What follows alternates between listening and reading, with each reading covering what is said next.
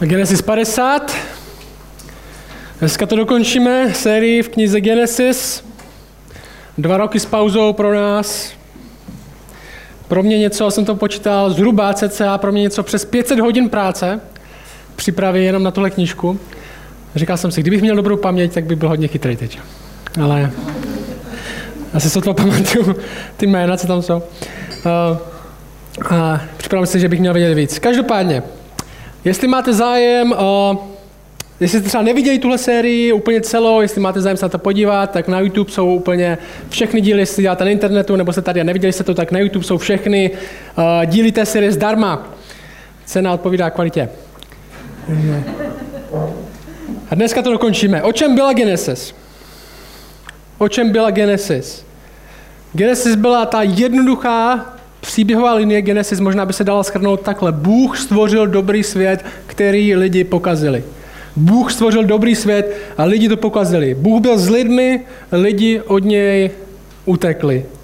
Ale Bůh, ale Bůh, to je důležitá část, Bůh stvořil dobrý svět, lidi ho pokazili, Bůh byl s lidmi, lidi od něj utekli, ale, ale Bůh zaslíbil, že s tímhle něco udělá. Bůh zaslíbil, že s tímhle něco udělá, dal zaslíbení, že ten vztah, který člověk porušil mezi člověkem a Bohem, Bůh zase napraví. Bůh zase napraví. A skrze, a tu v té Genesis jsme viděli, jak to udělá. On řekl skrze rodinu, že to, zaslíbení Genesis 3 na začátku bylo, že potomek ženy rozdrtí hadovi hlavu. Že potomek ženy rozdrtí satana a ten vztah bude zase napraven. Potomek ženy. A my jsme viděli skrze Genesis, že Bůh si vybral jednu rodinu, skrze, který, skrze kterou ten potomek přijde. Skrze rodinu Abrahama, Izáka a Jákoba. A my jsme sledovali společně, v podstatě celá ta drtivá většina té Genesis je sledování příběhu téhle jedné rodiny téhle jedné rodiny. My jsme viděli jejich odvahu, jejich věrnost, ale taky víc jsme viděli jejich strach, jejich nejistotu, zlo, který dělali, jejich tvrdou práci. Viděli jsme nepochopení, zoufalost, možná plnou otázek. A taková ta otázka, co pořád vystávala, když jsme četli tu knihu Genesis, byla, jestli Bůh dává všechno zpátky, jestli Bůh opravdu začíná napravovat, jestli Bůh uh, pracuje na tom, aby ten vztah byl obnoven, jestli Bůh pracuje na lepší budoucnosti, jestli to zase má být všechno dobrý, tak proč to musí tak bolet? Proč to musí tak trvat? Proč mi jasněji neřekne, co mám vlastně dělat? A Genesis, tahle první knížka, je příběh obyčejných lidí, ne nějakých superhrdinů, Často se tady těmhle lidem říká Abraham, Izák, jako jsou praoci, praoci naší víry a zní to tak jako strašně moc duchovně, jsou takový duchovní superhrdinové, strašně velký příklad pro nás. Ale ve skutečnosti jsme viděli, že to jsou úplně obyčejní lidi jako my. Ne nějaký superhrdinové. Genesis je příběh lidí, kteří selhávají často, ale nad tím vším vidíme, že je Bůh, který neselhává. A proto je to tak příběh blízký nám. Pojďme do toho dnešního textu. Genesis 50, jestli máte Bible, první verš, je to v těch bulletinech ten text, nebo na, jestli jste, sedíte u velkého stolu, tak máte Bibli vedle sebe. Ta minulá kapitola, kapitola 49, končila tím, že Jákob umírá. Izrael, neboli Jákob umírá, nechává za sebou 12 synů, ze kterých se stane 12 kmenů Izraele, tak to vrcholí Jákob ve 49. kapitole umřel, dal požehnání svým synům a ta 50. kapitola začíná následovně. Jozef Jákobův syn, padl na tvář svého otce a plakal nad ním a líbal ho. Pak přikázal svým otrokům, lékařům, aby ho otce balzamovali. Jo, Josef byl druhý nejvlivnější muž v Egyptě, proto měl tolik pomocníků. Lékaři tedy Izraele balzamovali. Jákoba nebo Izraele plných 40 dnů, protože taková je plná doba pro balzamování a egyptiané nad ním plakali 70 dnů. Jakob umřel. Že u něj byla, v podstatě půlka Genesis byla o tomhle člověku. Jakob umřel. Bůh vedl jeho život, že? to jsme věděli od začátku. Bůh vedl jeho život, dokonce mu říkal, co má dělat, kam má jít. Neznamená to, že k němu mluvil každý den, někdy to trvalo třeba 15 let, než zase něco slyšel. Bůh vedl jeho život, vedl život jeho otců, ale jeho život vůbec nebyl lehký život. Strávil 20 let v zemi, kde v podstatě otročil, aby měla rodinu, a trochu se o ně postaral, pak se vrátil do země, kde Bůh řekl, aby tam žil, že to je ta země zaslíbená, tady když přijdeš, to je, proti, to je ta země, kde máš být, to jsem zaslíbil tvým otcům a Jakob tam přijde a první, co se stane, že mu znásilní dceru. A potom se stane co? Že jeho vlastní syn se vyspí s jeho manželkou. A nakonec jsme viděli, že nastal hladomor. A teďka umřel. A ne v zemi, kde měl být, neumřel v té zemi, kterou mu Bůh zaslíbil, ale zemřel v Egyptě, kam ho dohnal hlad. Tohle byl život vedený Bohem, ale zároveň to vůbec nebyl jednoduchý život. Proto tak nedává smysl taky to evangelium prosperity, co se v České republice hodně, hodně nosí, že jestli budeš věřit, tak budeš zdravý, bohatý, bude se ti ve všem dařit a jestli se ti nedaří ve všem, jestli nejsi zdravý, tak je to proto, protože nemáš pravděpodobně dostatečně velkou víru. A to, co v Bibli vidíme, že lidi, kteří většinou Boha, Boha mají nejvíc rádi a jejich život Bůh nejvíc vede, většinou končí hodně špatně. Ne vždy končí dobře.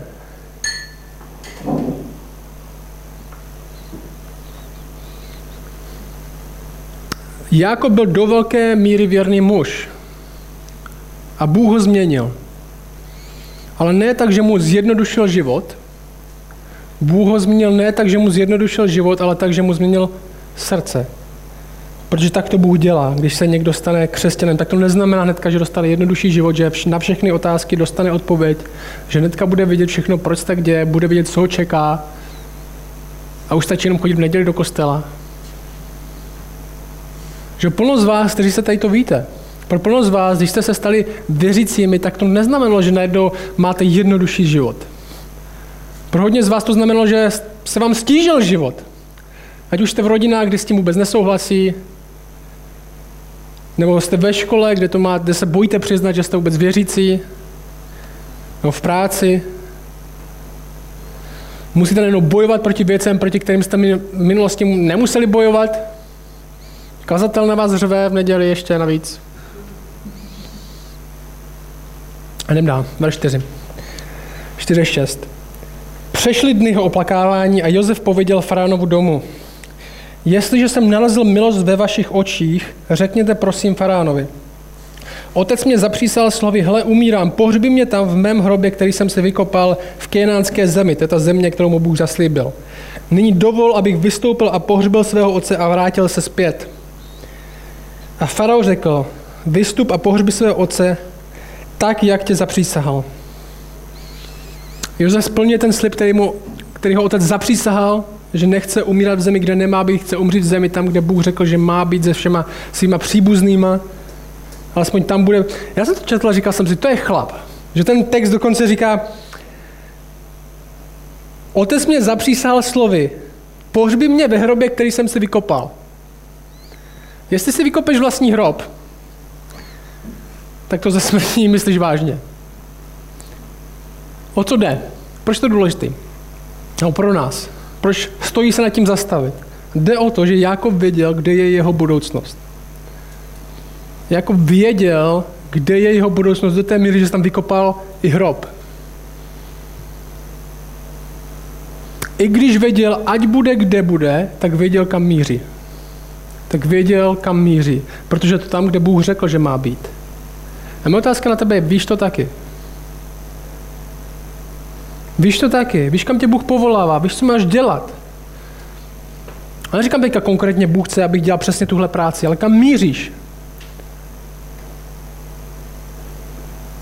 Úplně mě fascinuje, když někdy slyším, jak někteří, zvlášť mladí lidi, přemýšlí nad svou církví. A slyšel jsem to hodněkrát. A nejenom tady v Šumperku, a i v různých městech, že no, až budu na vysoké, nebo nemůžu se dočkat, až odsaď odjedu. Jo, většinou plno církví v České republice jsou dobrý tak akorát, abyste byli v mládeži a pak už se od vás nic nečeká, že jo, pak už na neděli chodíte na, na svůj křesťanský důchod ve 20. A to je všechno. Ale říkají, nemůžu se dočkat, až odsaď odjedu a budu někde jinde. Já si říkám, tohle přemýšlení je úplně cizí biblickému přemýšlení o tom, co církev je. Co máme my společně budovat. Kde seš někdy, kde seš doma, buď tam, co jsi schopný budovat a buď tam. Tam tě Bůh povolává. Tam měř. Jestli nejsi na místě, kde jsi schopný něco dělat nebo něco budovat, tak běž jinam, ale buď tam. Víš, kam míříš. Do nějaké míry víš, kde umřeš. Jsme měli taky přesvědčení, já jsem tady přepravený umřít. Tady na zemi. No, doufám, že budeme mít lepší budovu. Za pár let. Jdem dál. Že tohle mám budovat, tady mířím, tady mě Bůh chce. A dalších pár veršů popisuje, jak ten pohřeb vypadal. No, to projdeme, to je verš 7 a 14. Josef tedy vyšel, aby pohřbil svého otce a vyšli s ním všichni faranovi otroci staršího domu a všichni starší egyptské země. Celý dům Josefův, jeho bratři a dům jeho otce, pouze své malé děti Brav a Skot zanechali v zemi Gošenu. Vytáhli s ním také vozba a jezdci, byl to ohromný doprovod. Přišli až k Humnu a Tádu, které je za Jordánem a naříkali tam velkým a velmi žalostným kvílením. Uspořádal svému otci sedmidenní smuteční obřad. Je zajímavé, že to řekne po tom, co přestali truchlit. No, tak začnu se. Když smuteční obřad, to je ohromný smutek pro egyptiany, si říkali Kénánci, když to viděli. Proto mu dali jméno Abel Misraim, které je za Jordánem. Pak mu jeho synové učinili tak, jak jim přikázali. Jeho synové ho odnesli do kénánské země a pohřbili ho v jeskyni na poli v Makpele naproti Mamre, kterou s tím polem koupil Abraham do vlastnictví jako hrob od Chetejce Efrona. Když pohřbil otce, vrátil se Josef do Egypta on i jeho bratři a všichni, kteří s ním vystoupili, pohřbít jeho otce. Víte, možná si můžete představit, jak velký průvod a jestli ještě všichni, ještě teď ten text dokonce říká, že kvílí smutkem, jak to vypadalo. Mně se líbilo, jak to Calvin popisoval tenhle text. On říkal, Calvin připouštěl, že žal je na místě. Když smrt přijde do našeho života, tak je žal na místě, že jo? Protože smrt není, pro nás se možná zdá, že smrt je přirozenou součástí našeho života, že jo? Smrt je přirozenou součástí tohoto světa. Ale na začátku to tak nebylo. Smrt přišla skrze hřích. Smrt není ve skutečnosti přirozenou součástí našeho života. Smrt bolí, smrt tady nepatří. Smrt je protivník, který má na konci být poražen. Je to špatná věc a smutná věc a není důvod nebýt smutný, když se ze smrti setkáme. Zároveň Calvin varoval před přílišným žalem. On říkal, abychom náhodou se, aby se náhodou nestalo, aby jsme nenadávali proti Bohu že to takhle udělal. A teďka jdeme do jádra, do jádra té kapitoly. Jo? Tohle bude prostě jádro teďka, ten verš 15 až 21, který má před sebou, jsou jádro téhle kapitoly a v podstatě ukončení, zakončení, schrnutí celé Genesis. A to jádro začíná takhle. Verš 15. Verš 15. Když Josefovi bratři viděli, že jejich otec mrtev, řekli si, co když na nás Josef zanevře a zcela nám odplatí všechno to zlo, které jsme mu způsobili? My jsme už viděli několikrát, že tohle si Josefovi bratři říkali, že jo? Co když Josef nám odplatí za to zlo, které jsme mu dali? My víme, že Josefovi bratři ho hodili do jámy, když byl mladý, prodali ho v 17 letech, prodali ho do otroctví do Egypta. A otci řekli, že umřel. A teďka to jsou desítky a desítky let po tolika letech, i když jim Josef už jednou řekl, že jim odpouští za to, co udělali, tak pořád je trápí jejich minulost. Že oni dokonce říkají zlo, které jsme udělali, zlo, které jsme mu způsobili. Pořád čekají, že trest za to, co udělali, na ně přijde. A stejně tak možná některý z vás dnes pořád trápí to, co jste udělali v minulosti. Pořád možná nemusí to být každý den, ale pořád, když si vzpomenete na to, co jste udělali v minulosti, nebo co jste, jakým způsobem jste žili v minulosti, tak vás to dost trápí. Že pro někoho možná minulost je to, co jste udělali před roky, pro někoho to je to, co jste udělali včera. A možná se toho nemůžete úplně pořádně zbavit.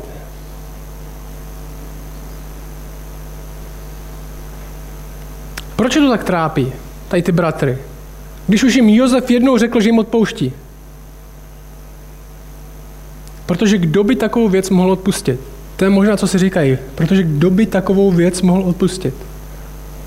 To jedna z nejhorších věcí, co můžete udělat, udělali. Možná ještě horší, než ho zabít.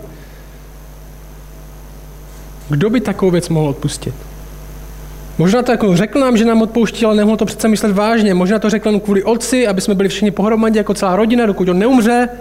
A teďka se to s náma chce rozdat, teďka nám to chce odplatit, má vojáky, služebníky, všechno, může nás vyhnat, může nás zabít, může udělat s náma, co chce. Otec už tu není, aby se na to díval. To je to, jak přemýšlí. Možná čeká na správnou příležitost, aby nám to odplatil. A poslouchej, někteří z vás máte takový vztah s Bohem trochu. Někteří z vás máte takový vztah s Bohem. Možná jste slyšeli, že Bůh dokáže odpustit. Možná jste dokonce četli o tom, že vám Bůh odpouští.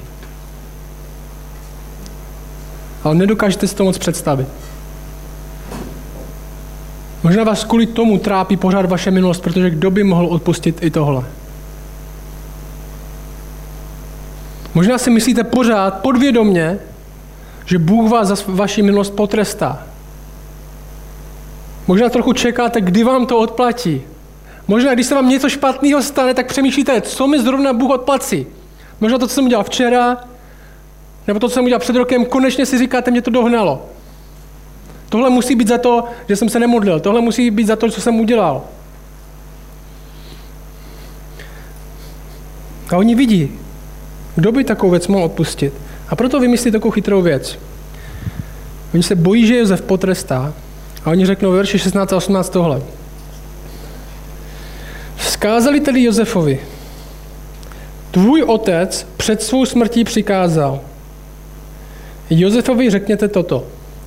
Ach, odpust prosím svým bratrům přestoupení za jejich hřích, neboť ti způsobili zlo, tak odpust prosím otrokům Boha tvého otce a jejich přestoupení. Když mu to řekli, Josef se rozplakal. Pak přišli jeho bratři, padli před ním a řekli, hle, jsme tvoji otroci. Že on nás poslouchat nebude, na nás nezáleží, ale otce toho měl rád. A když řekneme, že to vlastně přikazuje táta, tak nebude mít Josef na výběr. Že tohle, jestli máte sourozence, tohle je klasická taktika. Když jsme byli malí, tak jsem to použil hodněkrát. Že sourozence skoro nikdy nenutíš dělat úplně skoro nic. Proto musíš použít následující slova. Maminka říkala, že mě máš pustit na počítač. Jo, prostě musíš říct takhle. Táta říkal, že kdo máte děti, to víte taky. A tohle přesně říkají. Táta říkal, že nám máš odpustit. Taková chytrá lež. Ale ta myšlenka je dobrá, že jo?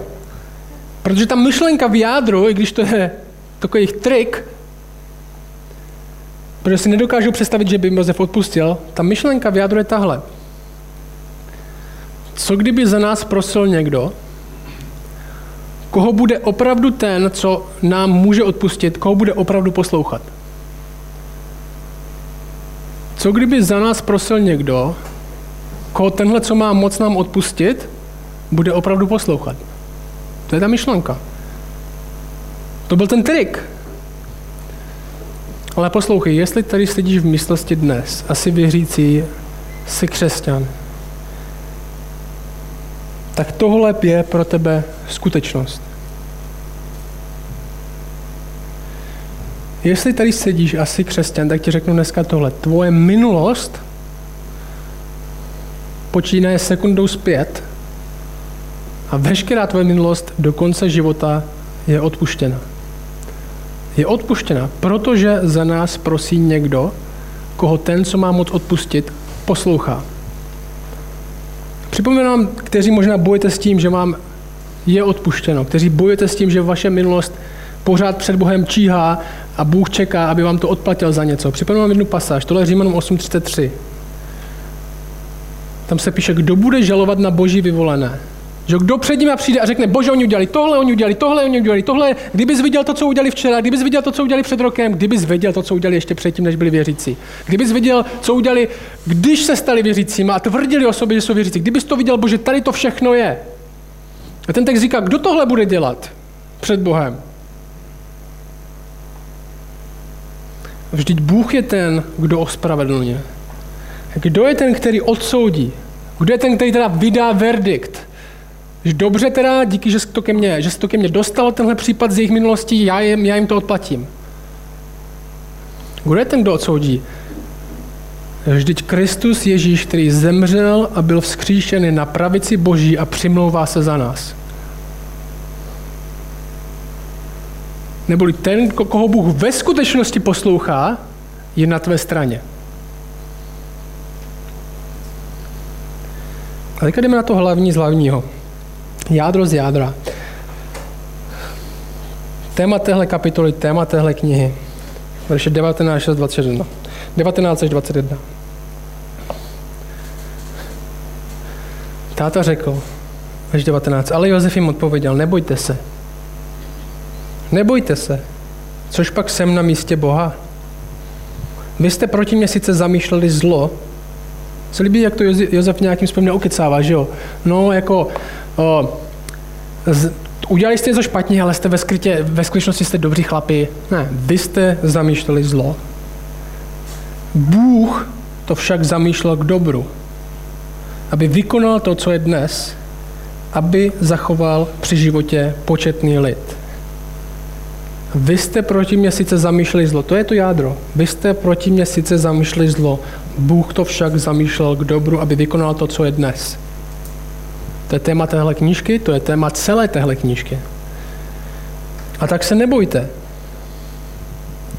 Já se budu starat o vás i o vaše malé děti, tak je utěšoval a mluvil k jejich srdci. On neutěšoval lží o nich, ale vy jste ve skutečnosti dobří, vy jste ve skutečnosti super a vy to zvládnete. Ne, on neutěšoval pravdou. Já se postarám, protože Bůh pracuje. Mám tři pozorování z tohle textu, jo? tři pozorování z tohle jádra. První věc je tahle. Lidi zamýšlí věci ke zlu. Lidi zamýšlí věci ke zlu, tenhle svět není jednoduchý, život v něm nebude jednoduchý, žijeme ve zlým, skaženém světě a je to proto, protože jsou lidi zlí a skažení. Tak to prostě je. Lidi zamýšlí věci ke zlu, dějí zlý věci, tak to prostě je. Od té doby, co se člověk rozhodl, že pro něj nebude Bůh na prvním místě, ale že tam dosadí sám sebe, tak to začalo. A to, co křesťanství dělá, to, co má měnit, co má vytvářet, není jenom, že teďka vytváří uhlazený, morální lidi, kteří dělají ty správné věci, dělají ty morálnější věci a jsou lepší než ostatní a trochu jim by to měli i taky říct, že jsou lepší než oni. Ne. Křesťanství je o primární změně světonázoru, že to nejsem já, nebo někdo jiný, kdo sedí na trůnu, ale je to Bůh. Protože všechno zlo vychází z toho, když tam dosadím sebe nebo někoho jiného místo Boha. To je zlo. Křesťanství říká, že skutečný život začne, když k téhle realitě prohlídneme, prohlédneme. Když tuhle realitu začneme vidět. Protože jinak budeme žít ve lži a v neštěstí. Jestli budeme dělat, že tenhle svět je o nás, nebo o věcech, nebo o dalších lidech, tak Bible říká, to je kořen všeho zla pícha, sebestřednost, kde my sebe sama dosazujeme do centra všeho bytí. A je to zlo, protože to je lež, protože my objektivně v tom centru nejsme, tam je někdo jiný. A jestli tam chceme být, tak musíme brát jeho místo. Křesťanství primárně není o změně chování, ale o změně lásky. Takže přestáváme čím dál víc hledět sami na sebe a začínáme si dívat do toho centra, kde je Bůh. Je to o změně lásky, která mění to, jak se chováme. Na první pozorování, lidi jsou zlí, protože dosazují sebe do centra všeho bytí. Druhá pozorování z tohohle jádra je tahle. Bůh je nepoužívá, Bůh zamýšlí. Já vím, hodně lidí se z tohohle verše, z tohohle centra snaží udělat takovou jemnější verzi. Jo, čtou to způsobem, lidi zamýšlí, dělají plánu, plánují věci pro zlo, ale Bůh je používá k dobru. Bůh používá způsobem, že vezme ty zlé věci, co lidi udělali a nějak s tím způsobem zkusí něco postavit. Jako když Anička staví věž, je na ní hrdá, ale prostě křivá a vím, že za pět sekund spadne, tak já tam dostavím nějaký základy, aby to nespadlo. Jsem použil to co už postavila, abych to aspoň nějakým způsobem zachránil. Ale to není, co říká tenhle text. Jak pro lidi, tak pro Boha jsou použity úplně ty stejné dvě slova. O stejné jedno slovo. Lidi plánují, zamýšlí věci a Bůh dělá to stejný. Bůh je nepoužívá, Bůh určuje. co bude. Lidi zamýšlí, Bůh zamýšlí taky. Zamýšlí dopředu, stejně jako člověk. Bůh se nedívá jenom dopředu, co se stane a pak říká, no tak mohl bych s tím možná udělat tohle, aby to nebylo tak nakonec tak špatný. Ne, Bůh zamýšlí to, co se stane dopředu a dělá to. Řeknu vám věc, jednu věc, která mě dlouho štvala jako křesťana. Nebo které štvala mě a které jsem neúplně rozuměl. A to je tahle. Štvalo mě, když lidi říkali, že Bůh udělal zázrak při nějaké těžké situaci. Možná jste to použili sami, já jsem to už tak hodněkrát použil způsobem, já to nemůžu vysvětlit, jo? třeba měli jsme autonehodu, vyvázli jsme tak a tak, tak, ale zázrak bylo, že kolem měla zrovna sanitka. Nebo že zázrak bylo, že zrovna tohle auto trefilo tuhle část auta, takže jsme všichni přežili. Nebo třeba, když byla Lída v nemocnici, a lidi se za ní opravdu hodně modlili a neumřela jen díky opravdovým náhodám, zázrakům, který se staly, že zrovna i máma potkala doktora, který to všechno změnil, nebo že tam ten zavolal nechtíc, nebo tohle se stalo, tohle se stalo, nebo na poslední chvíli se něco stalo. A mě to štvalo, protože jsem si vždycky říkal, tak jestli to teda opravdu byl zázrak, jestli opravdu Bůh zasáhl, otázka tak proč nezasáhl dřív? Že to nemohl způsobit, aby Lída vůbec nebyla nemocná? Jestli to byl zázrak, že jela sanitka kolem, když si měl auto nehodu, tak Bůh nemohl způsobit, aby tu auto nehodu neměl? Možná lepší zázrak.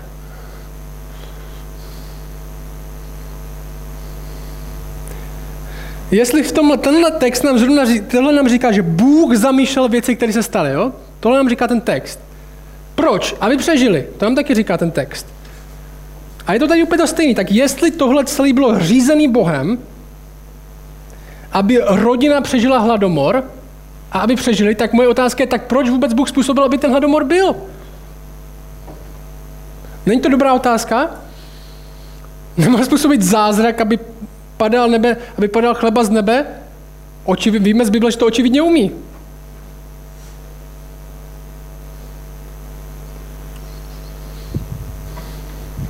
Jestli to byl zázrak, jestli Bůh zamýšlel, tak proč vůbec, proč vůbec byl hlad? Proč vůbec potřeboval ten lid od něčeho zachránit? Jestli Bůh nad vším. Odpověď musí být tohle, si myslím. Odpověď musí být, že v tomhle světě to, co potřebujeme, v tomhle světě to, co potřebujeme, abychom byli Bohu blíže, aby se opravdu měnilo naše srdce, aby, aby jsme opravdu mu důvěřovali víc, není absence bolesti. Není absence bolesti.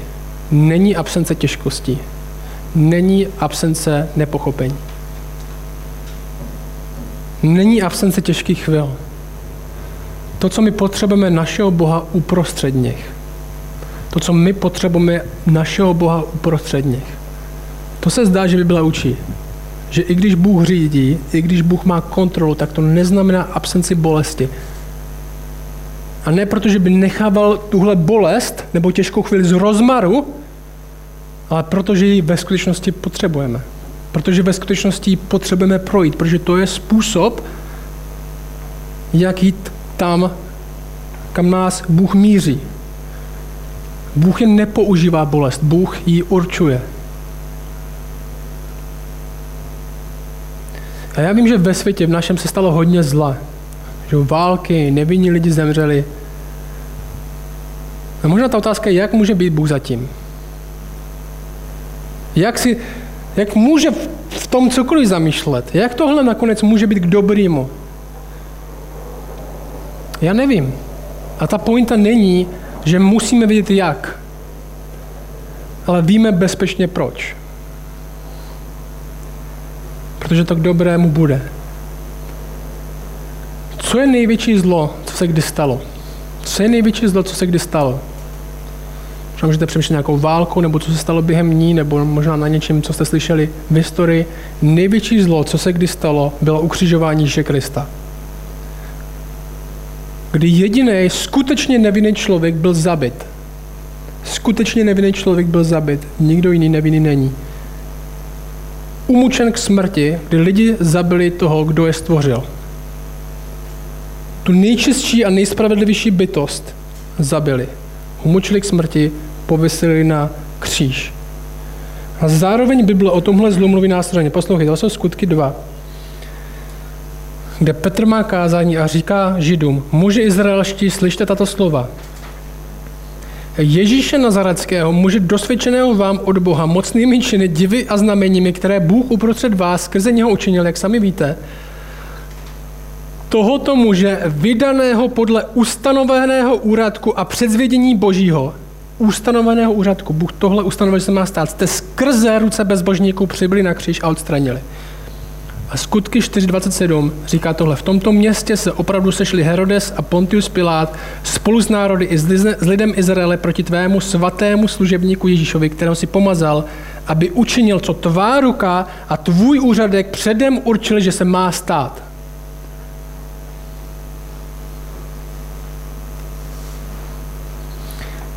A ze smrti Krista víme jednu věc, která potvrzuje to, co jsme zrovna četli v Genesis. Jestli to největší zlo, co se kdy stalo, bylo absolutně řízený Bohem, předem určeným Bohem, tak není důvod, proč by nemělo být jakýkoliv menší.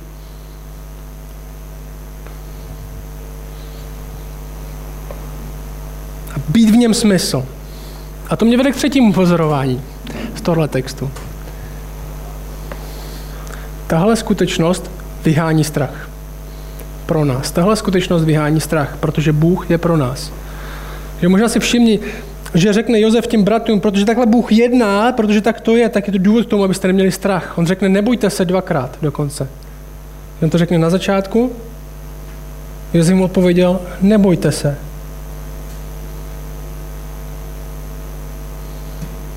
A verš 21 říká, a tak už se nebojte. Nebojte se. Vyhání to strach, protože víme, můžeme být dneska přesvědčeni o téhle věci. Něco, o čem nevěřící člověk být přesvědčený nikdy nemůže. Že zlo a bolest nejsou bez smyslu. Že zlo a bolest nejsou bez smyslu.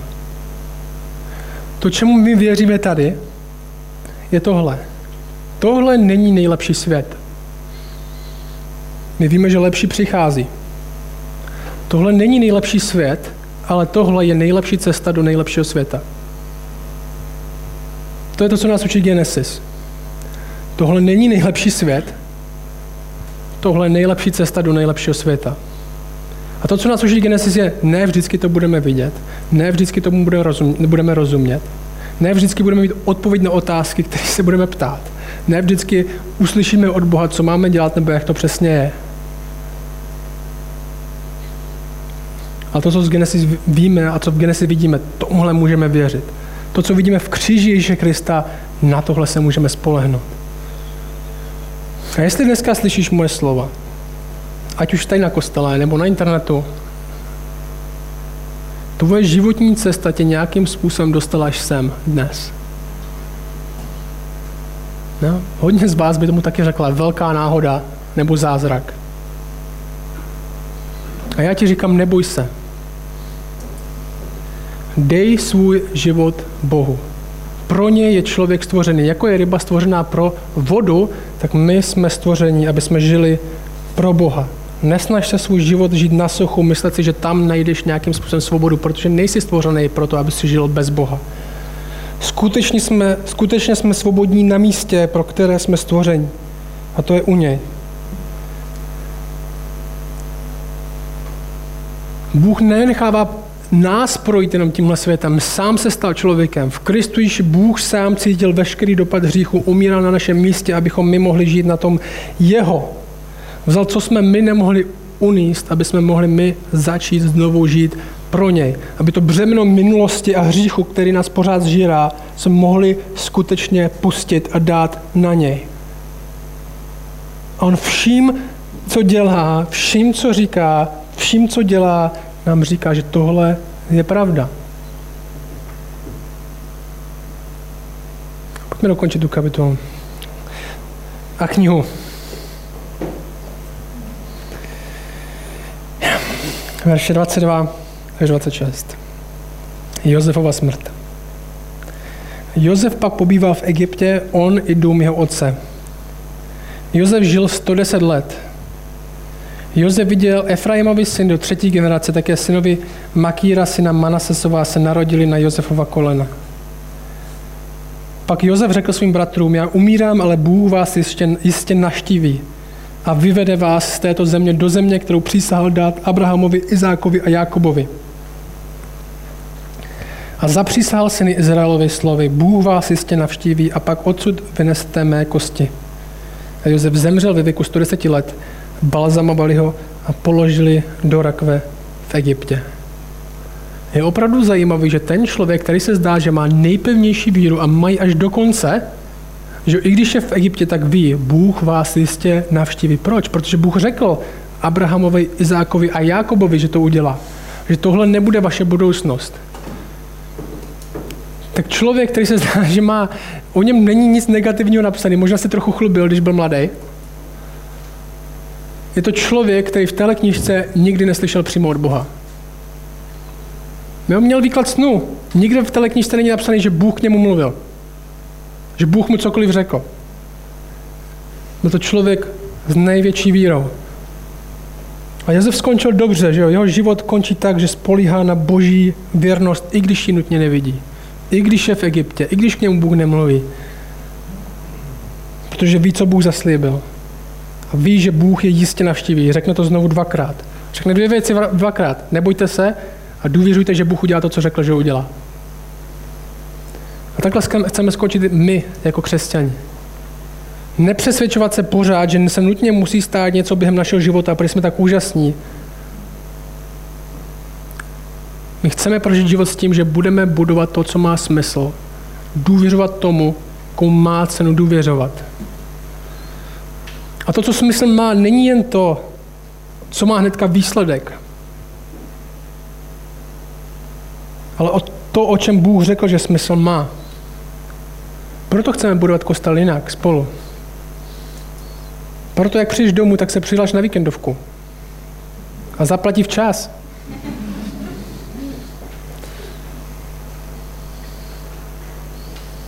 Chceme sloužit Bohu a dalším lidem, nejen sami sobě. Chceme být s dalšíma lidma, i když hnedka nevidíme výsledek, i když to ne, není prostě v Chorvat, jak v Chorvatsku na pláži. Chceme sloužit Bohu a dalším lidem. Chceme budovat to místo, kam nás dává. Věřit tomu, co slíbil, že vykoná. Žít z milosti, ne ze strachu, z naší minulosti, kterou nám Bůh odplatí, nebo budoucnosti, co se nám stane. Tohle byla pro nás Genesis. Lidi nemají kontrolu, lidi zamýšlí zlo, Bůh má věci pod kontrolou a zamýšlí dobro. Tohle pro nás je kostel jinak. Místo, kde se tohle snažíme učit vidět. Ne místo, kde tohle všichni strašně vidíme dobře a jsme dokonalí a už nemusíme nic řešit. Proto se setkáváme. Místo, kde odbouráváme to, co se nám celý týden dostával do hlavy, že musíme věřit věcmi, musíme věřit uh, penězům, musíme věřit, věřit naší vymyšlené budoucnosti, musíme se stydět za svou minulost. Tohle tady odbouráváme spolu. A učíme se vidět toho, kdo sedí na trůně, toho, kdo odpouští lidem jako my odbourávat věci, které nám předkládá svět, že musíme důvěřovat sami sobě, že musíme se zabezpečit věcma, penězma, učit se milovat Krista víc, protože skutečná změna je změna srdce a změna lásky, která vede potom ke změně chování. Učit se milovat Krista víc než falešnou představu budoucnosti postavené na tom, že se mám trochu líp, nebo že to bude méně bolet.